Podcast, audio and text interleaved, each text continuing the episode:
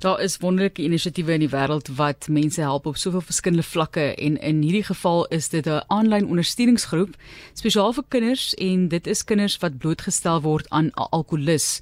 Ons praat met Natalie Bossie oftewel Natalie B soos sy bekend staan, waarnemende 10 koördineerder vir die Kaapse tak van Al Anon. So sê gou ons dit verduidelik waarvoor dit natuurlik staan, maar 10 is begin deur die tienerseun van een van die stigters van AA soos dit bekend staan Alcoholics Anonymous. Baie welkom Natalie. Dankie, dankie vir die geleentheid.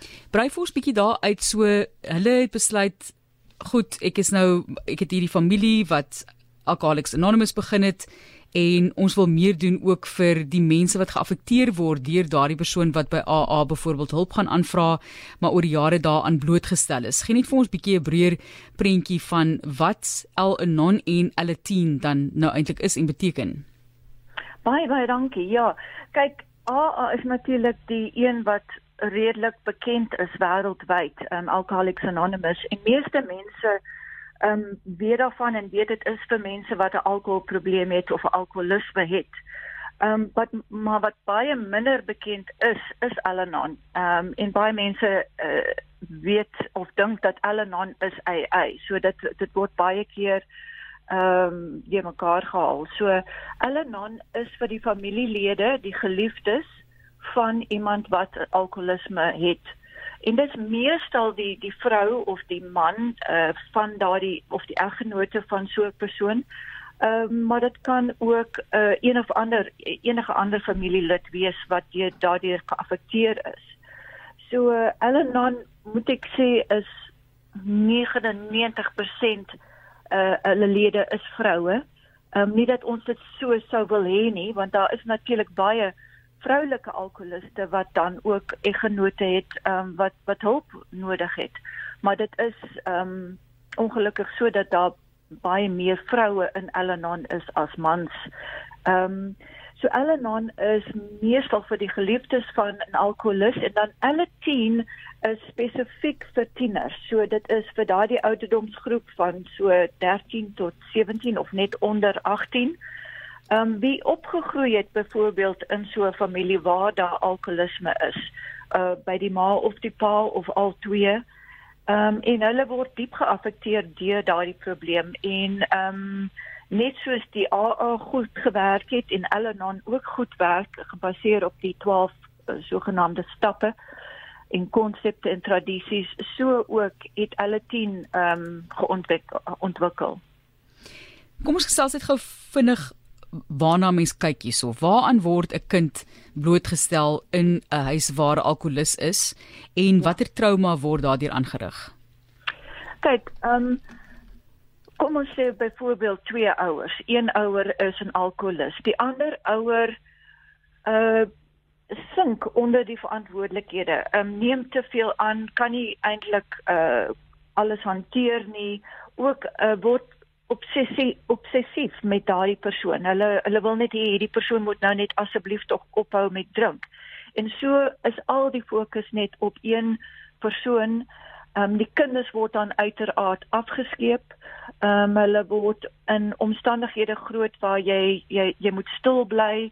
Ehm um, jy moet nie moeilikheid veroorsaak nie want enige ding kan as 'n trigger gesien word vir die alko uh, alkoholis wat miskien nou 'n rede is om te drink of 'n rede is om uit te stap of 'n rede is om kwaad te word en so voort.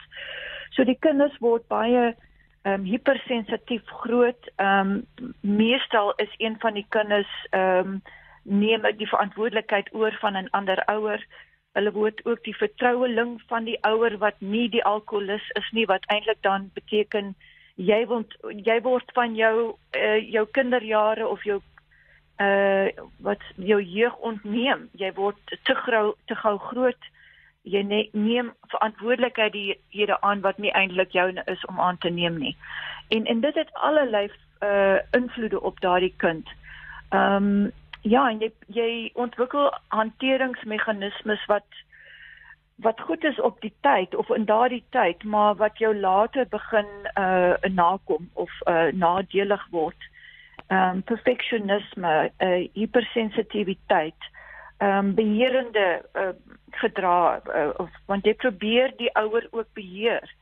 Ehm um, snaaks genoeg. I mean, uh, kinders probeer baie keer verantwoordelikheid neem vir die die ouers se alkoholisme en dan probeer hulle daardie ouer beheer en op allerlei maniere en een van die dinge wat jy leer in L10 of in L9 is sogenaamde die die 3 C's you can't cure it control it or um, cause it so jy dit nie jy kan dit nie beheer nie jy kan dit nie genees nie dit is nie in jou hande nie en jy het dit ook nie veroorsaak nie so ja daar is ontsettende trauma dit hang natuurlik ook baie af um, dit kan baie erg wees of minder erg wees dit hang af van omstandighede Nou die 12 stappe waarna verwys word in die ondersteuningsgroep waar deur mense gaan. Ehm um, dit is nie spesifiek die persoon wat drink die alkoholus wat nou soos jy sê daai 1C die keur ehm um, wat aangespreek word nie. So die persoon wat deur daardie kom ons sê groep ondersteun word, die moet toegerus word om dit te kan akkommodeer. So dis letterlik vaardighede wat jy aanleer om die situasie te hanteer. Hoopelik het dit 'n invloed om dan die persoon wat alles veroorsaak ook tot inkeer te bring as dit ware, hè? Ja, kyk, dit is natuurlik die die ideale situasie. Ehm um, maar wat ons altyd doen in L10 en ook in L9, ons bring die fokus terug op die persoon wat nou die groep uh, uh um, bywoon en wie nou gelei het onder hierdie invloed. So hulle ehm um, die eerste ding is haal jou fokus af van die alkoholus en sit die fokus weer 360 grade op jou. Kyk na jou eie lewe, kyk na jou eie geluk, kyk na jou eie uh, reaksies want ehm um, soos ons altyd sê, ehm um, alkoholisme is 'n familiesiekte. Ehm um, dit het almal geaffekteer, ook al besef jy dit self nie. En ehm um, meeste mense sê ja, maar die ander persoon moet moet verander, maar ons besef nie hoe ons ook moet verander nie. En so soos u nou sê uh, Johan, ehm um, die die alle team begin nuwe vaardighede ontwikkel deur die fokus op hulle self te bring en sê hoe affekteer dit my en hoe wil ek dit verander? Wat voel nie lekker nie? Wat maak my hartseer? Hoe kan ek my uitsig verander op die situasie, op my ouers? Ehm um, want dit is baie kere haat en liefde 'n uh, volle verhouding. Ehm um, jy kan jy kan nie ophou om jou ouers te lief te wees nie, maar soms haat jy hulle vreeslik. Ehm um, en dit dit is alles baie ehm um, verbuisterend ook vir die vir die alle tiener. Ehm um, so ja, daardie vaardighede van ehm um, om om die situasie te kan verstaan, die siekte te beter te kan verstaan om te kan verstaan jou ouer het nie eintlik 'n uh, beheer oor hulle eie siekte nie. Uh al daai is vaardighede en kennis wat uh, hulle kan bykom in so 'n groep. Ja, ek kan dink aan 'n jong mens se selfbeeld wat aangetast word en hoe hulle dan ook probeer om dalk miskien die gesels byvoorbeeld die pa of die ma te probeer wegsteek. Jy weet van hulle vriende en hulle omgewing en hoe hulle amper 'n uh, onnatuurlike lewe moet lei. Dit is so waar Johan. Ehm um, kyk tieners is al anyway ontsettend uh um hoe sou hulle sê sensitief um, sensitief oor hulle ouers nee jy mag mos nie naby aan hulle kom terwyl hulle in hulle vriends uh, vriende sirkel is nie. Maar vir 'n tiener wat 'n alkoholus in haar of sy familie het is dit net 10 keer erger. En in in hierdie situasies jy bring nie vriende huis toe nie. Ehm um, jy het nie 'n partytjie by jou huis nie. Ehm um, jy is totaal sensitief oor wat kan miskien gebeur as jou ouer in jou ehm um, saam met jou vriende daar is. So ja, dit uh, dit is 'n isolerende siekte en dit is ook 'n siekte waar baie geheime gehou word. So dis baie min vriende wat miskien weet wat van die situasie uh, wat tuis aangaan. En ehm um, dit maak dit soveel moeiliker want nie, die die alle tiener kan nie met een, iemand deel wat aangaan nie. En dit is presies waar hierdie soort groep so doeltreffend is want almal is in dieselfde soort uh boot en jy kan openlik praat oor jou situasie jy word nie ehm um, jy hoef nie uh, skaam te voel oor die situasie nie almal aanvaar jou almal verstaan en en dit het dit is baie troostend Ek wil laasens net ook hoor goed so die kind voel hulle word blootgestel en nader julle of 'n familielid of 'n vriend sê luister hierdie kind word blootgestel en nader julle en en neem nou die kind nou na julle toe. Wat is die proses daarna? Wat manier help julle? Goed, die eerste ding om te verstaan is dat ons neem verantwoordelikheid vir 'n 'n 'n minor so gesê of 'n 'n tiener. Ehm um, en daarom het ons 'n vrywaringsbrief nodig van een of ander voog. Dit kan kan 'n ouer wees of 'n voog wat verantwoordelikheid neem vir daardie kind en hulle moet net daardie vorm invul en vir ons stuur.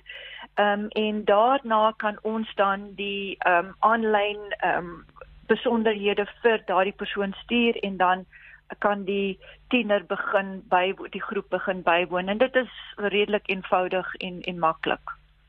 En die ander ding is ook hoe kry jy 'n tiener daar? Jy weet, daar's baie tieners wat net sal sê, "O oh, nee, ek wil dit doen. Ek wil nie daarna toe gaan. Ek wil nie daaroor praat nie." Want om daaroor te praat is sekerlik ook een van die moeilikste dinge. So, hoe ooreed jy byvoorbeeld 'n tiener wat deur dit gaan of jy weet hierdie tiener word nou blootgestel? Jy weet daar word skade aangerig en daar word trauma veroorsaak. Hoe ooreed jy 'n kind om wel te gaan? Kyk, ons moet tot ons beperkings hou. Jy kan niks forceer nie. En selfs tieners wat by ons groep ehm um, ins aansluit uh deur hulle eie ouers wat gesê ek wil graag jy moet gaan asseblief tog. Ehm um, neem dit nog al 'n rukkie vir hulle om uh vertroue te kry in die groep en in die hele proses. So dit is 'n netelige saak en dit is 'n sensitiewe saak. Ehm um, al wat jy kan doen as jy in direkte kontak is met so 'n tiener is hulle net ehm um, aanbeveel en hulle ehm um, hulle vrae te beantwoord aangaande enige uh, probleme of ehm um, ehm um, ja, eh uh, besorgings wat hulle het of uh, vrae wat hulle het oor so 'n groep. Hoe meer 'n tiener weet wat om te verwag, hoe meer is hulle uh, sal hulle bereid wees om aan te sluit. So kyk, hulle wil net nie daardie onsekerheid hê nie en en en dan dan sal dit makliker wees om hulle te ooreed. Baie dankie vir die werk wat julle doen. Baie dankie vir die raad en die hulp wat julle gee aan mense wat deur hierdie moeilike situasies gaan. Dis Natalie Bossy, oftewel Natalie B, waarnemende alle 10 koördineerder vir die Kaapse tak van El Anon en is daar kontak besonderhede of 'n webblad wat ons na ja. toe kan gaan? Ja. Ehm um, ons ons webblad is www.elanon.org.za en dan gaan jy na uh, find a meeting op daardie uh, tuisweb uh, bladsy. En dan gaan jy heeltemal af tot onderaan en dan sal jy sien daarso is 'n lys van meetings vir Al-Anon adult children and Al-Teen.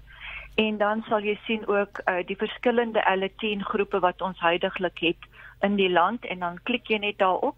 En daar is ook my kontaknommer is daarso Ehm um, enigiemand is welkom om my te kontak en uh, en navraag te doen. Baie baie dankie. Dis lanon.org.co.za of net.za, né? Dis org.za. Dit is so dis A L A N O N.org.za.